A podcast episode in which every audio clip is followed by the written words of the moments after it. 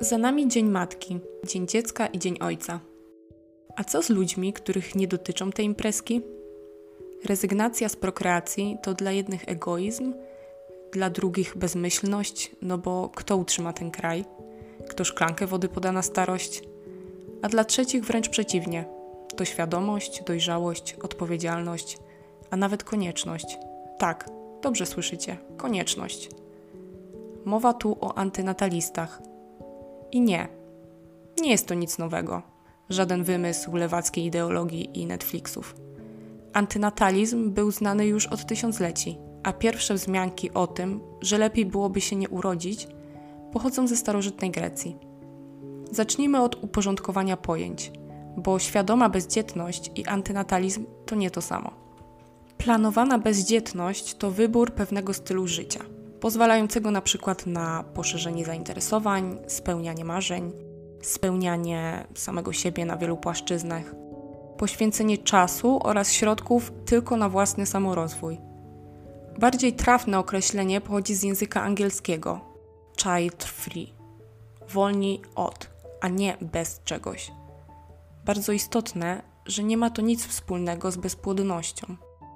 Antynatalizm natomiast jest stanowiskiem filozoficznym przypisującym negatywną wartość ludzkiej prokreacji. Jak wspomniałam już, w starożytności filozofowie uważali, że człowiek jest istotą złą, z natury nie powinien się rozmnażać. Z biegiem czasu antynataliści skupili się również na kwestii cierpienia. Twierdzili, że skoro nasze życie jest pełne problemów i prowadzi jedynie do śmierci, nie powinniśmy skazywać na nie innych tylko dla naszego kaprysu. Zapraszam Was do ciekawej rozmowy, która kołatała nam się po głowach tak naprawdę już od roku. Zaczynajmy zatem. Gdziekolwiek jesteście, cokolwiek robicie, enjoy. Jesteśmy. No to jak, Weronika, kto ci szklankę wody poda na starość? O, to jest bardzo trudne i złożone pytanie. Mm, mam nadzieję, że moja starość będzie na tyle mm, łaskawa, że będę sobie mogła sama tą szklankę przynieść. A jak nie, to mam nadzieję. No tak by było najlepiej. Tak, a jeśli nie, no to mam nadzieję, że y, będzie mnie stać na to, żeby komuś zapłacić za opiekę nade mną. Nie będę musiała wykorzystywać kogoś z rodziny do tego. No ja mam taki plan, że wyszkolę moje koteczki jakoś, nie wiem, zamontuję im plecaczki i będą mi przynosić szklankę wody. to jest dobry plan. Mam też taką wizję, że tak jakby coraz więcej wykorzystujemy robotów, tak? Mhm. Może być tak, że po prostu taki robot, robot zastąpi nam jakąś opiekę taką podstawową, podawanie lekarstw, wody mhm. i jakieś proste lub bardziej skomplikowane czynności związane z opieką nad, nad drugą osobą. Mhm. To jest taka moja wizja. Podoba mi się. Zawsze jak słyszę ten tekst, kto ci szklankę wody poda na starość, no to od razu uruchamia mi się, dlaczego ja mam produkować nowego człowieka, żeby mi podawał wodę. Tak. Zróbmy sobie dziecko z myślą o tym, żeby to ono zajmowało się nami. Połóżmy wszelkie oczekiwania swoje na człowieku, który jeszcze nawet nie istnieje. No. I nie wiemy, kim jest. Dokładnie. Tak, dla mnie to też jest. No, nie, kłóci się to z moim podejściem do życia, jakby sama świadomość tego, że ludzie tak y, postępują, w sensie jest to jakiś wyznacznik, nie wiem, wyznacznik, jakieś kryterium do tego, żeby mieć y, dziecko, no to jest dla mnie trochę niezrozumiałe. Mam nadzieję, że, y, że to nie jest jedyne kryterium dla kogoś. że są, są za tym jeszcze jakieś inne sprawy.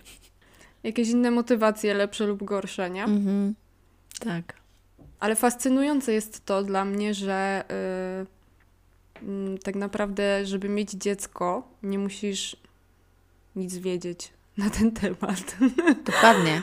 Wiesz o co chodzi. Możesz być zupełnie życiowo nieprzygotowanym człowiekiem, nieogarniętym i możesz mieć dziecko.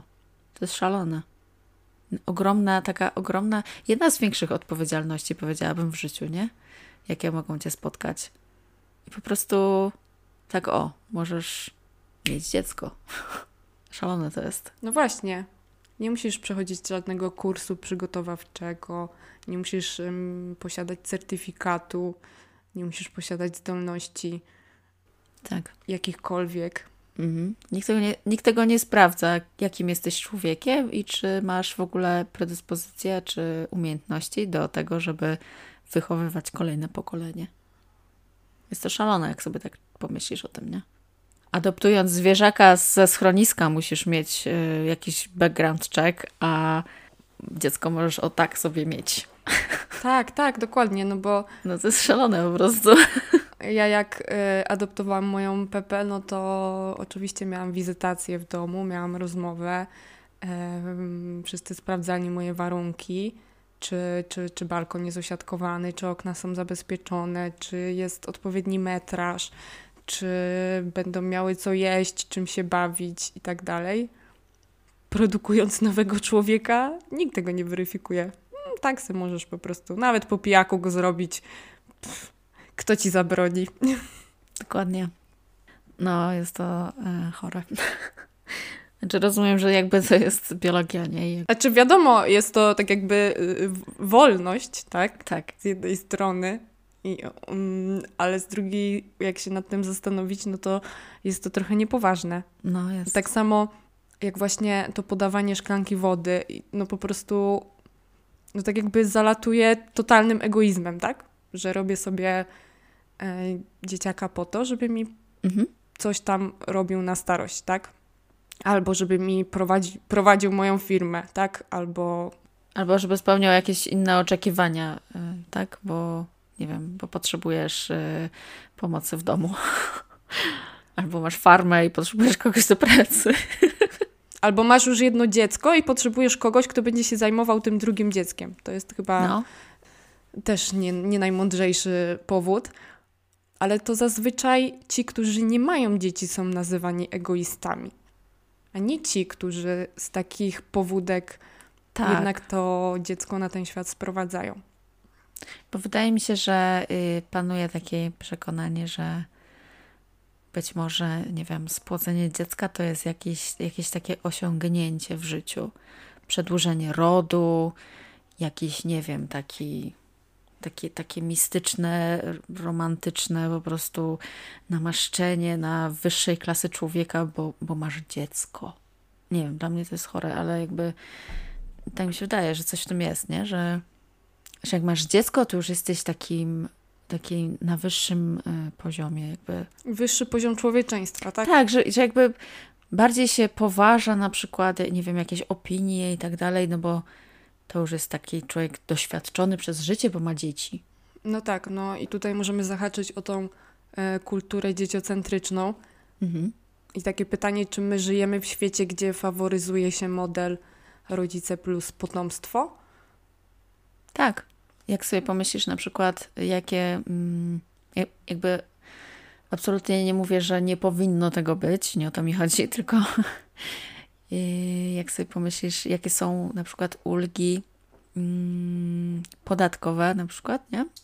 No to tam masz jakieś ulgi ze względu na to, że masz dzieci albo mhm. kartę dużej rodziny, masz zniżki nie wiem, do jakichś tam, na jakieś wydarzenia, czy do sklepów, nie wiem jak to dokładnie działa. Są organizowane przeróżne przecież warsztaty i wydarzenia dla rodzin, albo po prostu dla dzieci, e, w których dzieci mogą brać udział na przykład za darmo, albo za jakieś tam drobne pieniądze, a jakby zorganizować coś takiego dla dorosłych, no to już gruba kasa leci, nie? Więc tak, moim zdaniem tak. No tak, nie mówiąc o tych pomysłach, pomysłach na opodatkowanie singlów albo właśnie bezdzietnych. Także. Tak, tak. To się chyba dawniej nazywało bykowe, że się płaci bykowe, bykowe? za to, że nie okay. masz rodziny. Mhm. Nie no, no. spoko, no. naprawdę genialny pomysł. Chociaż może to jest, może to jest yy, chodzi o kawalerów, nie wiem, czy nie chodzi o to, że, że nie jesteś yy, żonaty, czy chodziło o dzieci, nie wiem, to trzeba by sprawdzić. Ale coś takiego było, że bykowa się płaciło. No to mamy do doczytania, albo nasi słuchacze powiedzą nam, co to jest bykowe. No ale na przykład y, mm, ja spotkałam się w pracy na przykład z takimi zachowaniami, że zachowaniami, takimi oczekiwaniami, że w sumie to y, ja jestem, wiesz, bezdzietną lambadziarą, więc y, tak jakby swoje plany urlopowe, nadgodzinowe czy delegacji powinnam dostosować do tych, co mają dzieci, no bo wiadomo, mają dzieci, więc są tak jakby wyżej. Wyższej klasy człowiekiem. Tak, i tak jakby moje potrzeby wiadomo, że są głupotami, nie? No bo ja nie mam dzieci, więc... Mhm. Nie masz prawdziwych zobowiązań. Nie mam, tak, ja nie mam prawdziwych obowiązków, ja nie mam, nie mam prawdziwego życia, tak?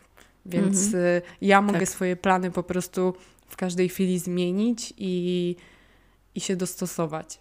Ale jakie to jest krzywdzące w ogóle? Jest, jest. Ale na przykład z jednej strony na przykład sama mm, w okolicach świąt czy czegoś, no to tak jakby daję mm, koleżankom czy kolegom, którzy mają dzieci i dawałam jakieś tam większe pole do wyboru faktycznie, no bo faktycznie mogłam się dostosować, ale co w momencie, kiedy, no nie wiem, mam cokolwiek, mam jogę, mam hiszpański, cokolwiek po prostu innego.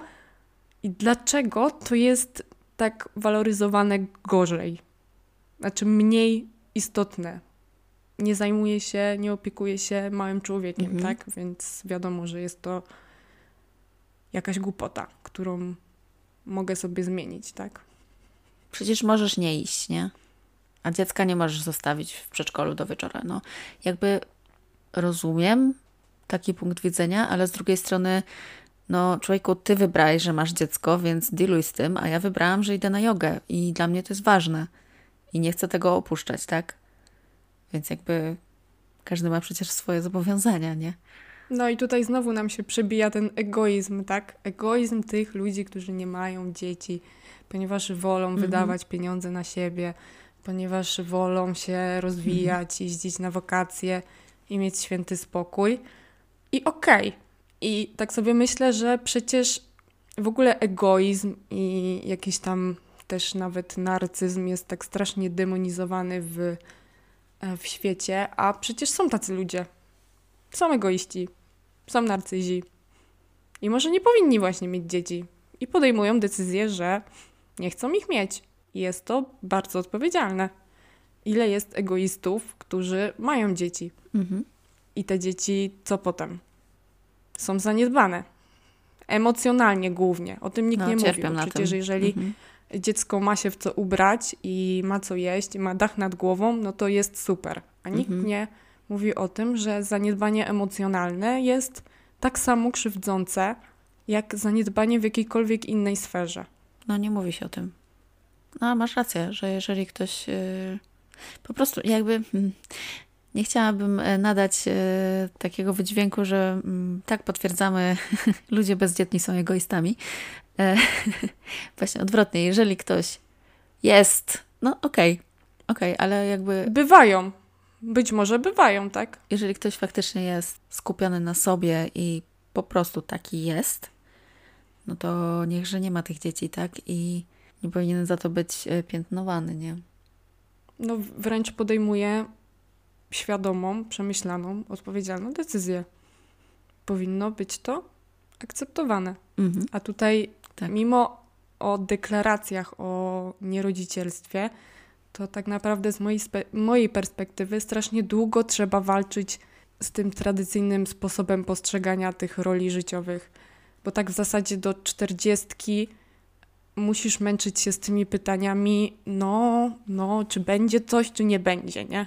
Jakby już mija ta czterdziestka, no to, no to już wtedy świta jakieś tam światełko świeci, że może nie będą mieć już tych dzieci, bo po prostu są za starzy, tak? Więc wtedy następuje spokój, ale powiedzmy, że przez 20 lat życia musisz się męczyć z tym, że cały czas ktoś ci gdzieś ci truje, że powinieneś mieć te dzieci, albo że jeszcze ci się odmieni, albo że jeszcze masz czas i po prostu twoja deklaracja nie jest w żaden sposób brana na poważnie, jeżeli mówisz, nie, nie chcę mieć dzieci. Nie chcę mieć dzieci, bo tak. A, teraz tak mówisz. No właśnie, teraz tak mówisz, bo ci się odmieni. Urodzisz, to ci się zmieni. A co jak mi się nie odmieni? Jest jakiś okres próbny, że mogę na przykład po 30 dniach oddać, jak mi się nie spodoba? Reklamacja. Tak jest. Do punktu obsługi zapraszam. Rozpatrzymy prośbę. Tak, y, trzeba się z tym faktycznie zmierzyć, że ludzie ocz- oczekują jakoś tak tych dzieci, ale y, tak sobie pomyślałam, że mm, być może to jest też taki mm, problem, że długo, długo jednak większość ludzi miała dzieci, nie? Większość ludzi y, widziała w tej rodzinie mm, jakieś takie wyższe wartości. Być może jest to związane z, z wychowaniem w wierze katolickiej, nie wiem. E, I po prostu ci ludzie, którzy nie mają dzieci, to jest coś innego. To jest inny, to jest coś nieznane, to jest ktoś, kto robi nie tak jak my, więc jakby nie wiemy, jak z tym dealować, nie? Ta grupa społeczna. Podejrzany. Tak, ta grupa społeczna, która jest jakby w, w rodzicielstwie i jest w małżeństwie i tak dalej, jakby podświadomie gdzieś tam, wiesz, odrzuca tych innych, no bo nie wiemy, jak tu dealować z tymi ludźmi, jak to, jak ich ogarnąć, bo oni nie są tacy jak my. Z jakiegoś powodu wyłamali się z, ze schematu, nie? I, I teraz jest tak, tak podejrzanie, więc próbują nakłaniać ich, żeby jednak może założyli tą rodzinę. Tak, ale nie dość, że się nakłania, nakłania się tych, którzy tych dzieci nie chcą mieć, to jeszcze jest, że tak powiem, druga fala tej, tego zjawiska, że rodzice tych dzieci, którzy nie mają dzieci, też spotykają się z takim atakiem, kiedy będą wnuki. A to już w ogóle totalnie od nich nie zależy, nie? Nie jesteś babcią, jesteś tam, wiesz, 50-60 lat i nie jesteś babcią, no to, no to kim? Przecież wiadomo, że starsza kobieta to jest babcia, nie? No. Co ty będziesz robić? No tak, nie masz roli. Nie masz roli społecznej. Już nie, znaczy, no, jesteś mamą, ale jakby, no, już dorosłych dzieci. Za chwilę emerytura i co? I co ty na tej emeryturze będziesz robić? No, będziesz wnuki bawić. Przecież wiadomo. O Boże, kolejny etat. Tak, ja rozmawiałam o tym na przykład y, właśnie z moimi rodzicami i pytałam, czy otrzymują takie zapytania. No to kiedy wnuki, no to, no to, no to kiedy, no to Mhm. kiedy. No i tak jest faktycznie. I tak mi to właśnie dało do myślenia, że, że to się ciągnie jeszcze na inne pokolenie. O. Jeszcze po prostu ta presja teraz przechodzi Mhm. na tych starszych. No, ciekawe. Moi rodzice dość wcześnie zostali dziadkami, więc nie było takiego problemu. To jest ciekawa sprawa. Jakby posiadanie dziecka w tym momencie zmienia się z tematu prywatnego, który jak dla mnie jest prywatny, jest bardzo intymny przecież. To tak jakbyś rozmawiała, nie wiem, a i, i, jakie pozycje w łóżku, w, jak, jak, w jakich pozycjach uprawiacie seks, nie? Dla mnie to jest tak samo intymne pytanie. Czy chcesz mieć dzieci, czy będziesz mieć dzieci, nie? I zamiast być, y, temat być y, właśnie taki intymny i prywatny, to nagle staje się tematem społecznym, nie? Bo dotyczy twoich rodziców, dotyczy ich znajomych z jakiegoś powodu. nie tylko ciebie, nie? No, to jest bardzo przytłaczające i przerażające, tak naprawdę. Mhm. Czasy o tyle się zmieniły, że raczej na rozmowie o pracę już nie dostaniesz pytania, jakie masz plany prokreacyjne, co powiedzmy tam te 10-15 lat temu pewnie bez problemu. Mhm. A oczywiście dostawała je kobieta, no bo, No wiadomo. no bo przecież nie, nie mężczyzna, nie? Mhm. Mężczyzna jest pod rodzicem. Ale jednak, pod rodzicem, ale jednak nad człowiekiem. Pod rodzicem i nad człowiekiem. O Boże, bardzo skomplikowane to No. się robi. Patriarchat. Patriarchat w czystej odsłonie. No ale na przykład, jak już sobie decydujemy, że nie chcemy mieć dzieci, albo nie, teraz nie chcemy mieć dzieci, jakoś nie czujemy się w towarzystwie tych dzieci zbyt komfortowo, bo jesteśmy nadwrażliwi, bo są głośne, bo po prostu no, tego nie czujemy. Wiadomo, że jak powiesz, nie lubię dzieci, no to jesteś monster, nie? Wiadomo. Jak to nie lubisz dzieci? Dzieci są... Przecież sama byłaś kiedyś dzieckiem. No, to jest genialny argument. to jest genialne. moje ulubione stwierdzenie. Ja mówię, no tak, byłam, ale, ale się siebie wtedy tak nie wkurzałam, bo byłam mała i nie pamiętam tego.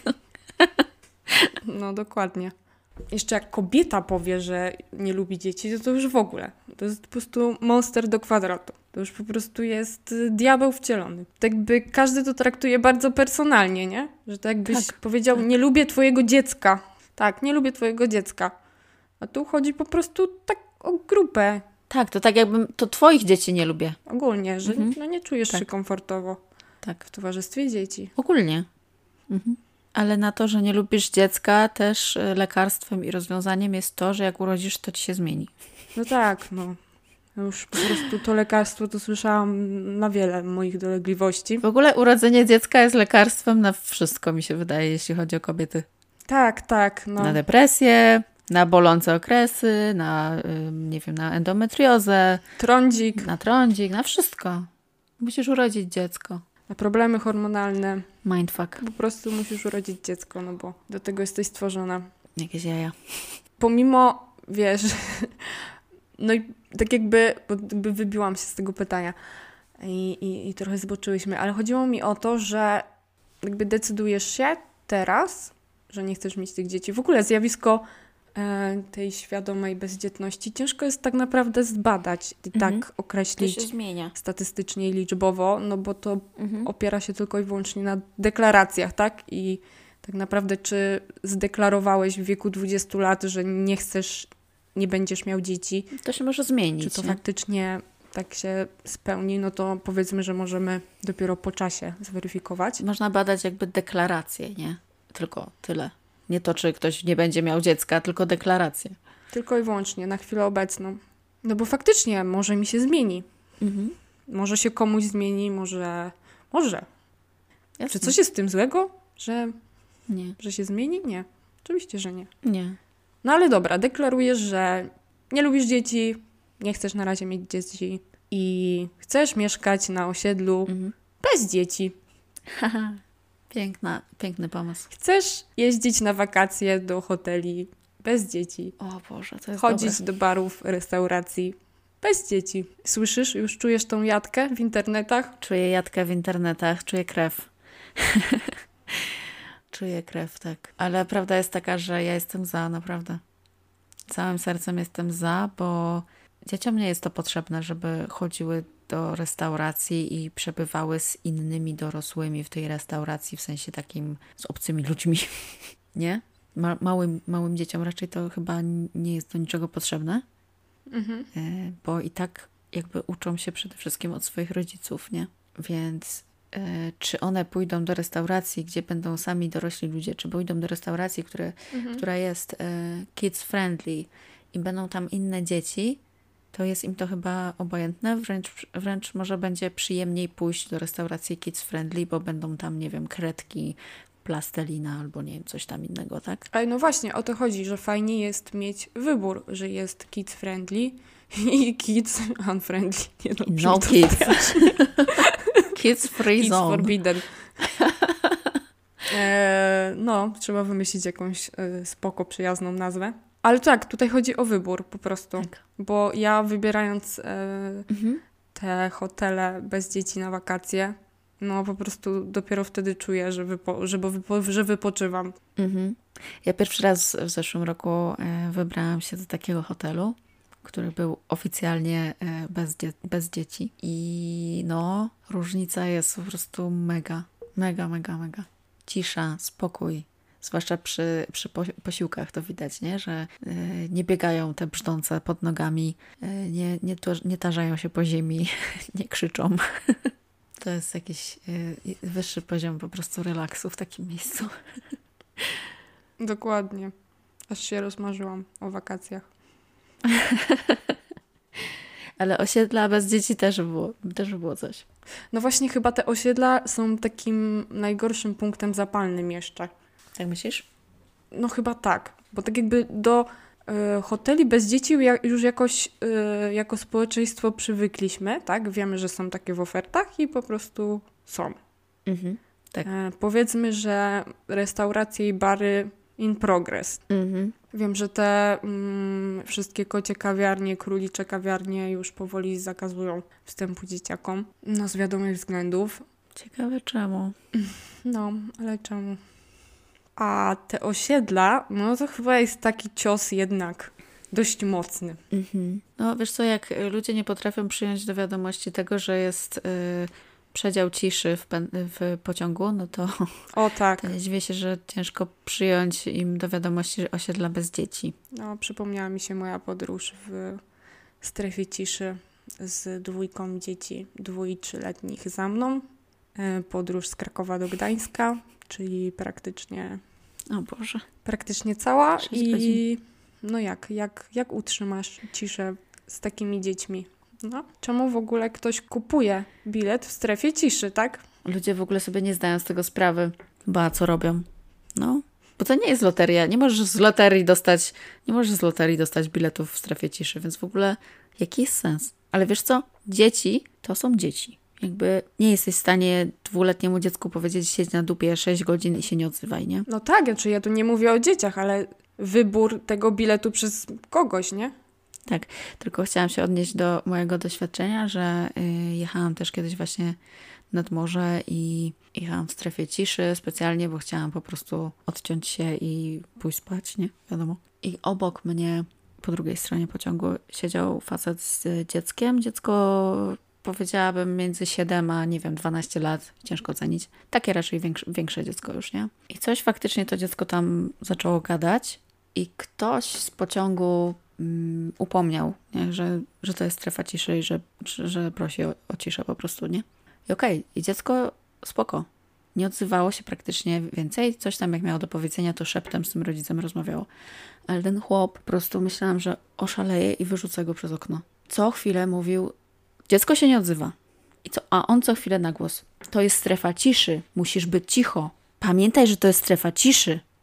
W strefie ciszy nie wolno rozmawiać, wiesz, tu musi być jak makiem zasiał. Ja po prostu myślałam, że wybuchnę.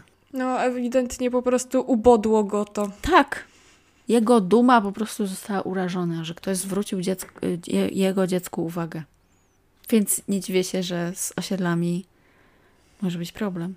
No. Bo ktoś kupi mieszkanie.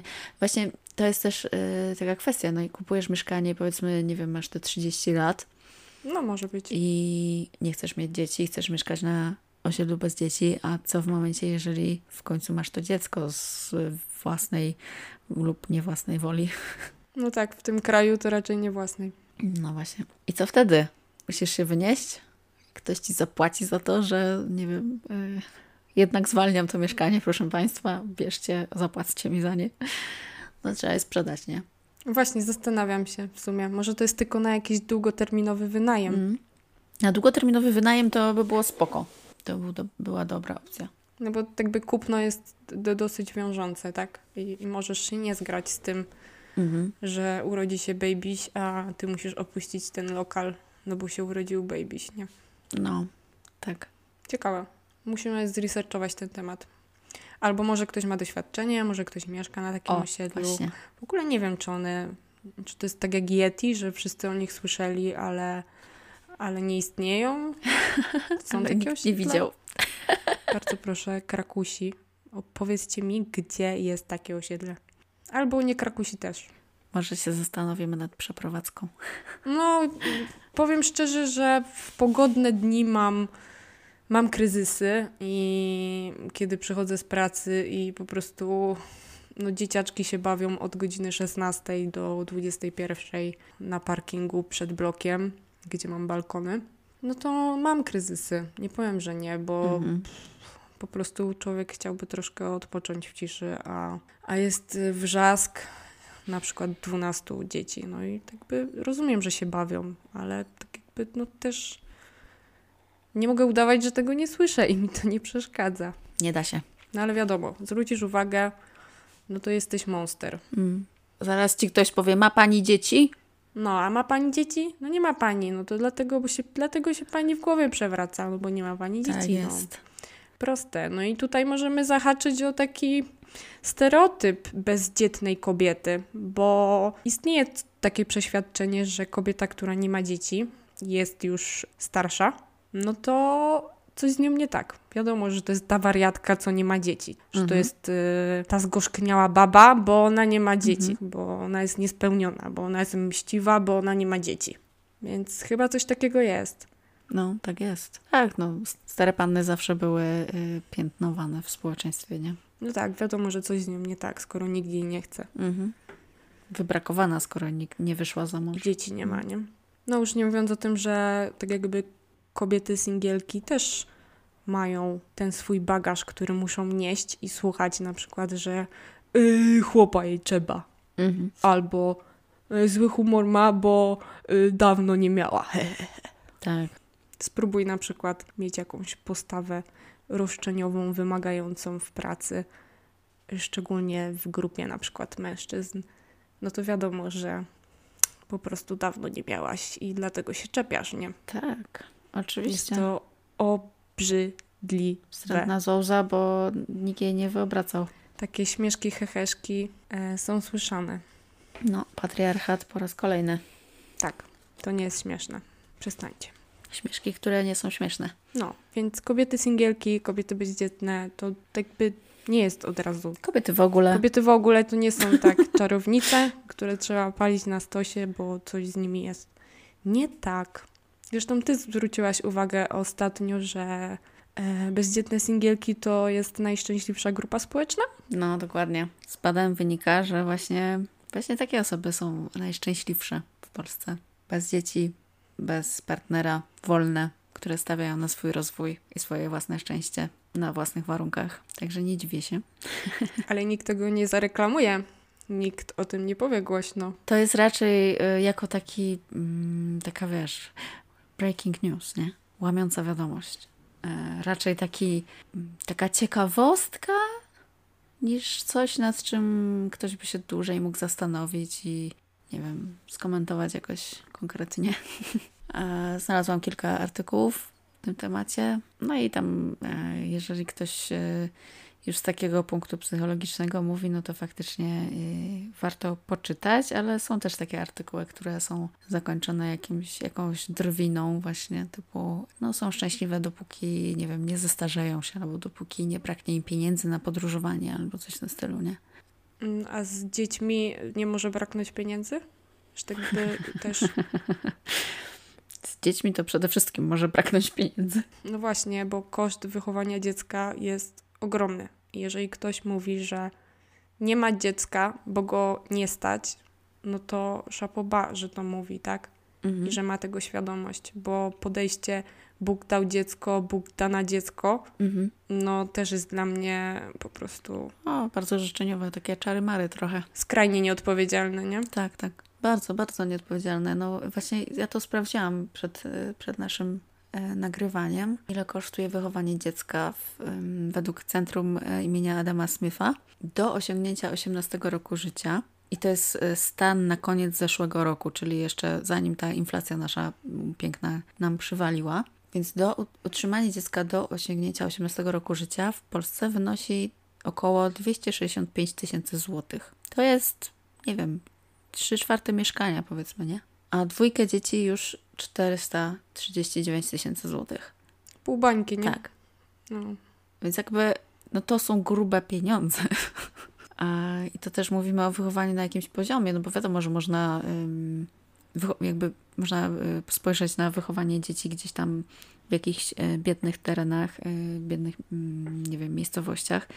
I jasne, że te dzieci się jakoś wychowa za mniej. Tylko jakby ja, jakiego, jakiego tego człowieka wychowujemy, jeżeli on na przykład nie ma na, y, nie wiem, na ubranie, jeżeli nie ma na książki mm, do szkoły i tak dalej. no ale na przykład na zajęcia dodatkowe. Mhm. Wiadomo, że angielskiego się w szkole nie nauczysz. No na przykład, ale też rozwój, rozwój właśnie taki osobisty tego dziecka, no nie wiem, y, odkryje w sobie talent do, nie wiem, baletu, tak, ale nie pójdzie na balet, bo rodzica na to nie stać. Mhm.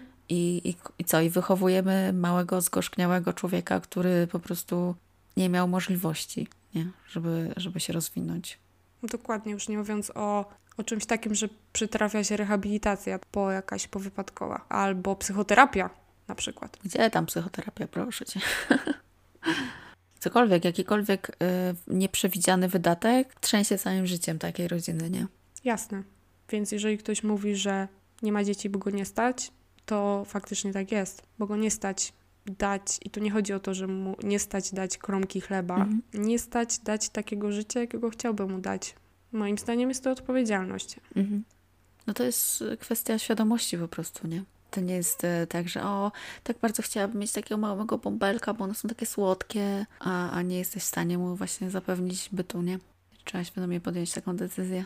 No to może teraz zahaczymy o ten cięższy temat, Mhm. o antynatalistów. Okej.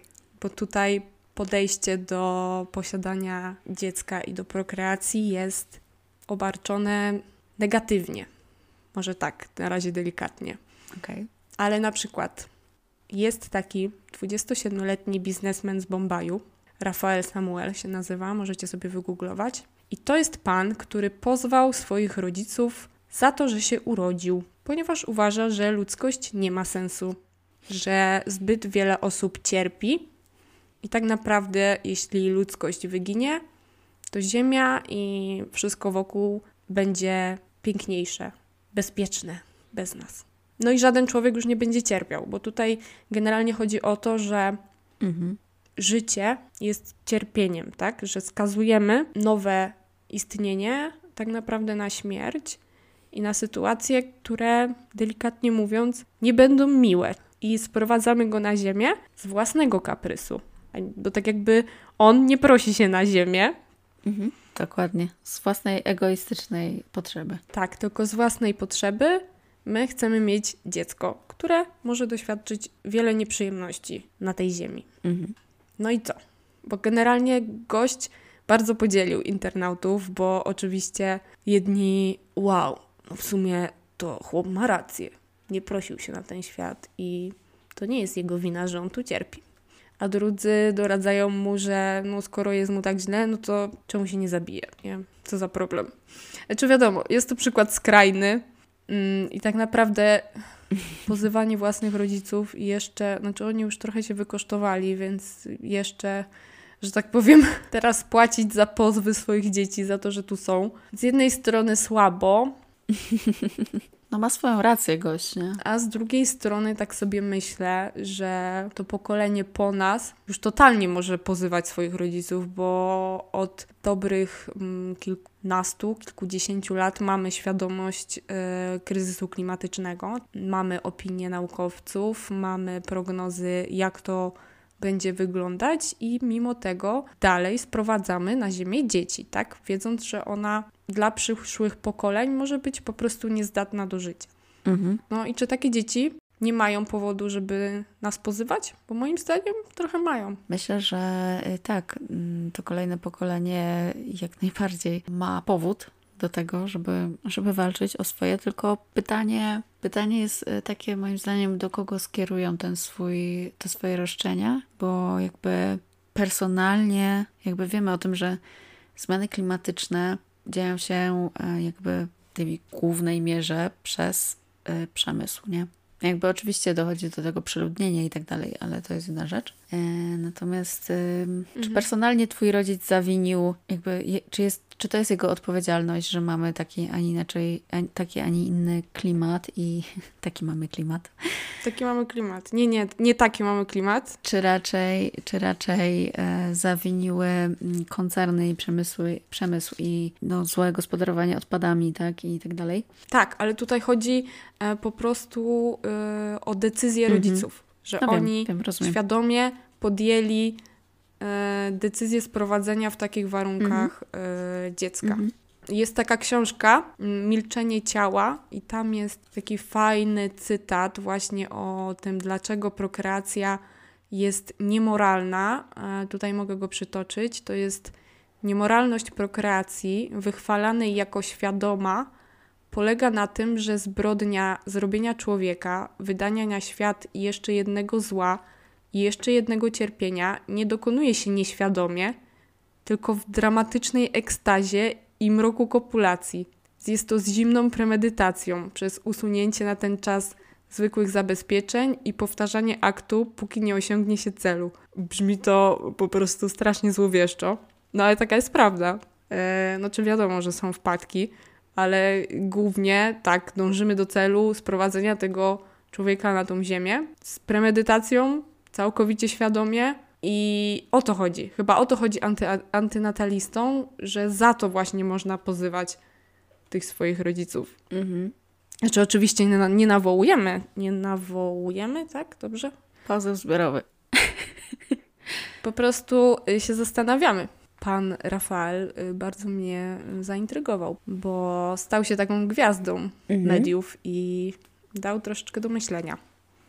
Samo pojęcie antynatalizmu teraz się rozszerza, bo antynatalizm klimatyczny też istnieje takie e, pojęcie już. I tak naprawdę za każdym razem, gdy w sieci pojawi się jakiś artykuł o zmianach klimatycznych, o kolejnym wymierającym gatunku, albo o maltretowaniu zwierząt, no to często jest tak, że internauci kwitują i komentują taką sytuację słowami, że no w końcu ludzkość powinna zostać zgładzona, że nareszcie, że ludzie są beznadziejni i że tak naprawdę to sobie zapracowaliśmy na tą zagładę. I czasem ja sama mam takie myśli.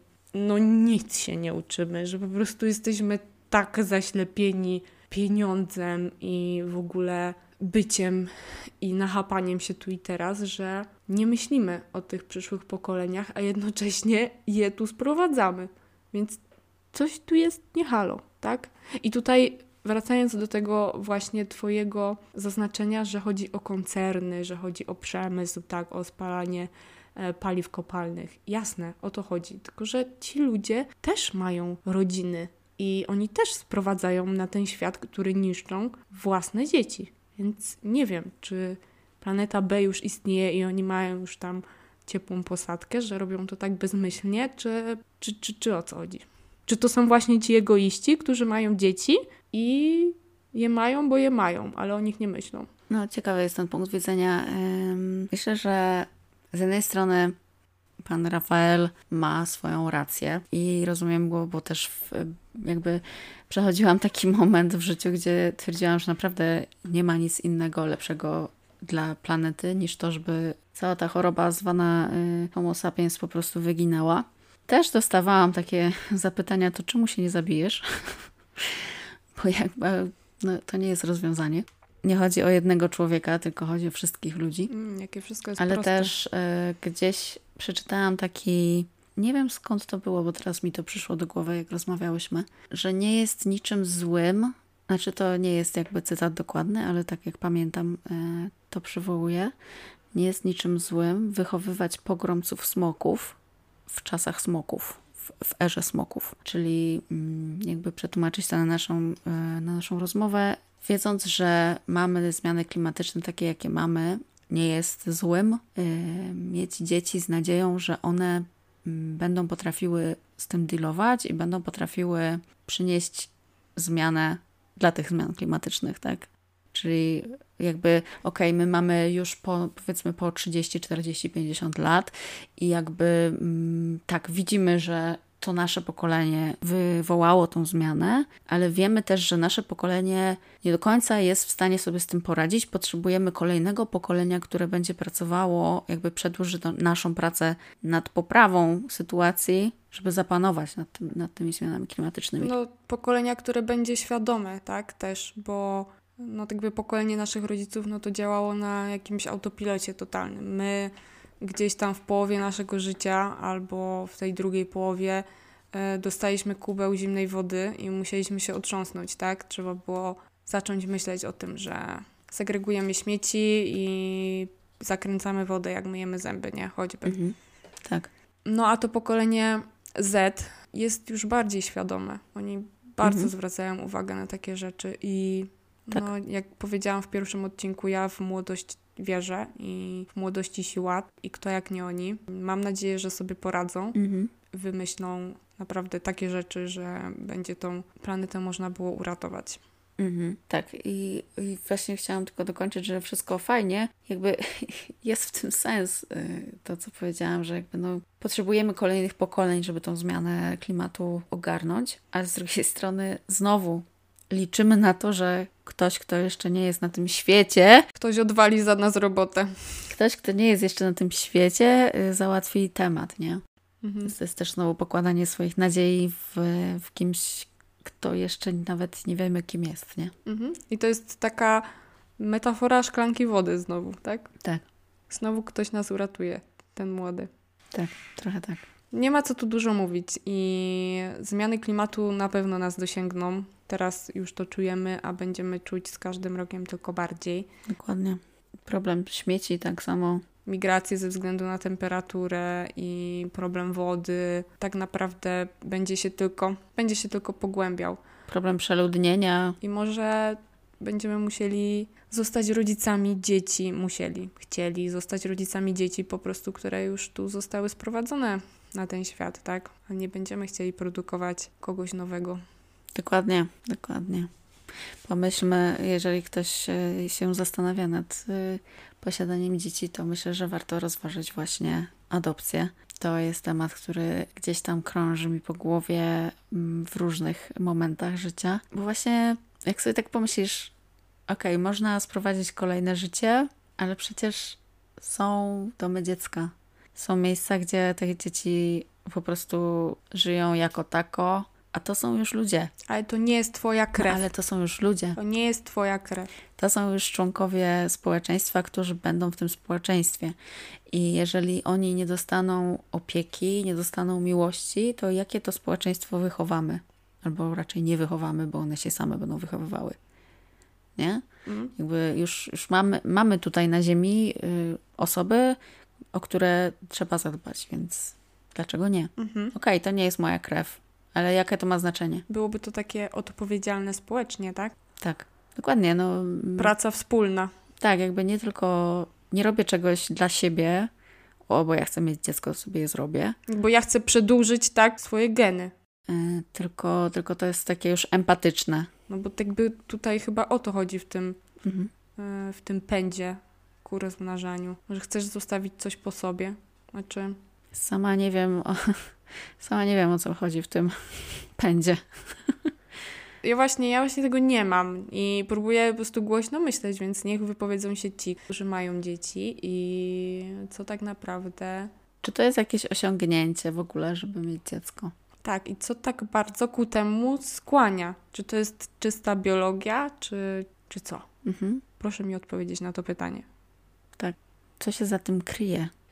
A co myślisz o takim pomyśle? Co by było, jakby do mm, posiadania dziecka podchodzić jak do kredytu? Zdolność, tak? Przychodzisz do instytucji, tak? Przychodzisz do instytucji e, i jesteś po prostu sprawdzana pod każdym względem i pod każdym kątem, czy jesteś gotowa na to, żeby mieć dziecko. Sprawdzają cię, mm, nie wiem, e, psychologowie, sprawdzają cię lekarze, sprawdzają e, na przykład, nie wiem, finansiści. Predyspozycje do chorób genetycznych. Nie wiem, czy finansowo masz zdolność do tego, czy masz odłożone oszczędności i ile tych oszczędności w razie jakbyś, nie wiem, straciła pracę? Czy masz jakieś wsparcie społeczne mm-hmm, do mm-hmm. wychowania tego dziecka, czy ono będzie odludkiem, bo będzie wychowane tylko, nie wiem, przez ciebie i, e, i nie wiem, nie masz e, jakiegoś tam... Albo przez siebie samego, bo to też częsta praktyka podejście, nie? Jak sobie wyobrażasz wychowanie dziecka, jak to będzie wyglądało? Musisz przejść e, nie dość, że testy, to jeszcze y, kursy doszkalające. Myślisz, że wtedy by y, było tyle ludzi na świecie? Bo ja myślę, że nie. Oczywiście, że nie. Myślę, że wiele osób by nie przeszło tego testu. Też tak uważam. Oj, na pewno. No chyba, żeby się dawało, wiesz, dawać w łapę oczywiście, jak to w tym świecie i pieniądz by załatwił wszystko, wszystko nie? A, jak wszędzie. No, jest to kontrowersyjne, ale daje do myślenia na pewno. Daje do myślenia, jak wiele trzeba zrobić, mhm. żeby ten człowiek był tutaj szczęśliwy, bo chyba tego wszyscy chcą, żeby to dziecko twoje było szczęśliwe, żeby nie poprzestać na pustym gadaniu o szczęściu, to jeszcze mhm. trzeba mieć świadomość, co ja mogę uczynić, żeby mu to szczęście dać. Więc może jakoś tak zakończymy sobie tą rozmowę refleksyjnie, po prostu i do przemyślenia, co o tym wszystkim sądzicie. Czy trzeba mieć dzieci? Czy warto mieć dzieci? I na jakich zasadach? Czy posiadanie dziecka jest wyznacznikiem sukcesu? Czy wszyscy powinni mieć dzieci? A jeśli nie macie dzieci, to jak się czujecie z tym w społeczeństwie? Dokładnie.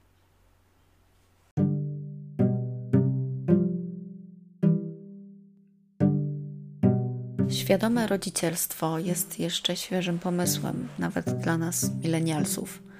Jednak biorąc pod uwagę to, że nowe pokolenia są coraz bardziej i bardziej świadome problemów, z jakimi będą musieli się zmagać jako dorośli, zmiany klimatyczne, migracje klimatyczne, zanieczyszczenie środowiska, przeludnienie, jestem przekonana, że dla nich będzie to kolejna rzecz, której po prostu się nauczą. Tak jak dla nas był to recykling czy oszczędzanie wody.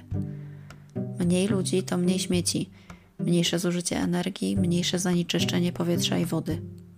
Powiedzmy więc wyraźnie: nieposiadanie dzieci nie jest w żaden sposób egoistyczne. Jeśli już musimy etykietować, to raczej jest altruistyczne. Moje nieposiadanie dzieci daje szansę Twoim na lepsze życie, na mniej zaśmieconej, bardziej zielonej planecie. Ale apelujemy: nie etykietujmy, Szanujmy decyzje innych i powody tych decyzji. Jesteśmy różni i możemy mieć różne potrzeby, również w temacie rodzicielstwa. Pamiętajcie o subskrybowaniu naszego podcastu, obserwowaniu nas na Insta i Facebooku. Dajcie znać w komentarzu, co myślicie na temat świadomego rodzicielstwa i czy same, sami podjęliście świadomą decyzję na temat posiadania lub nieposiadania dzieci. To był podcast Sama Nie Wiem. Do usłyszenia następnym razem. Bye bye.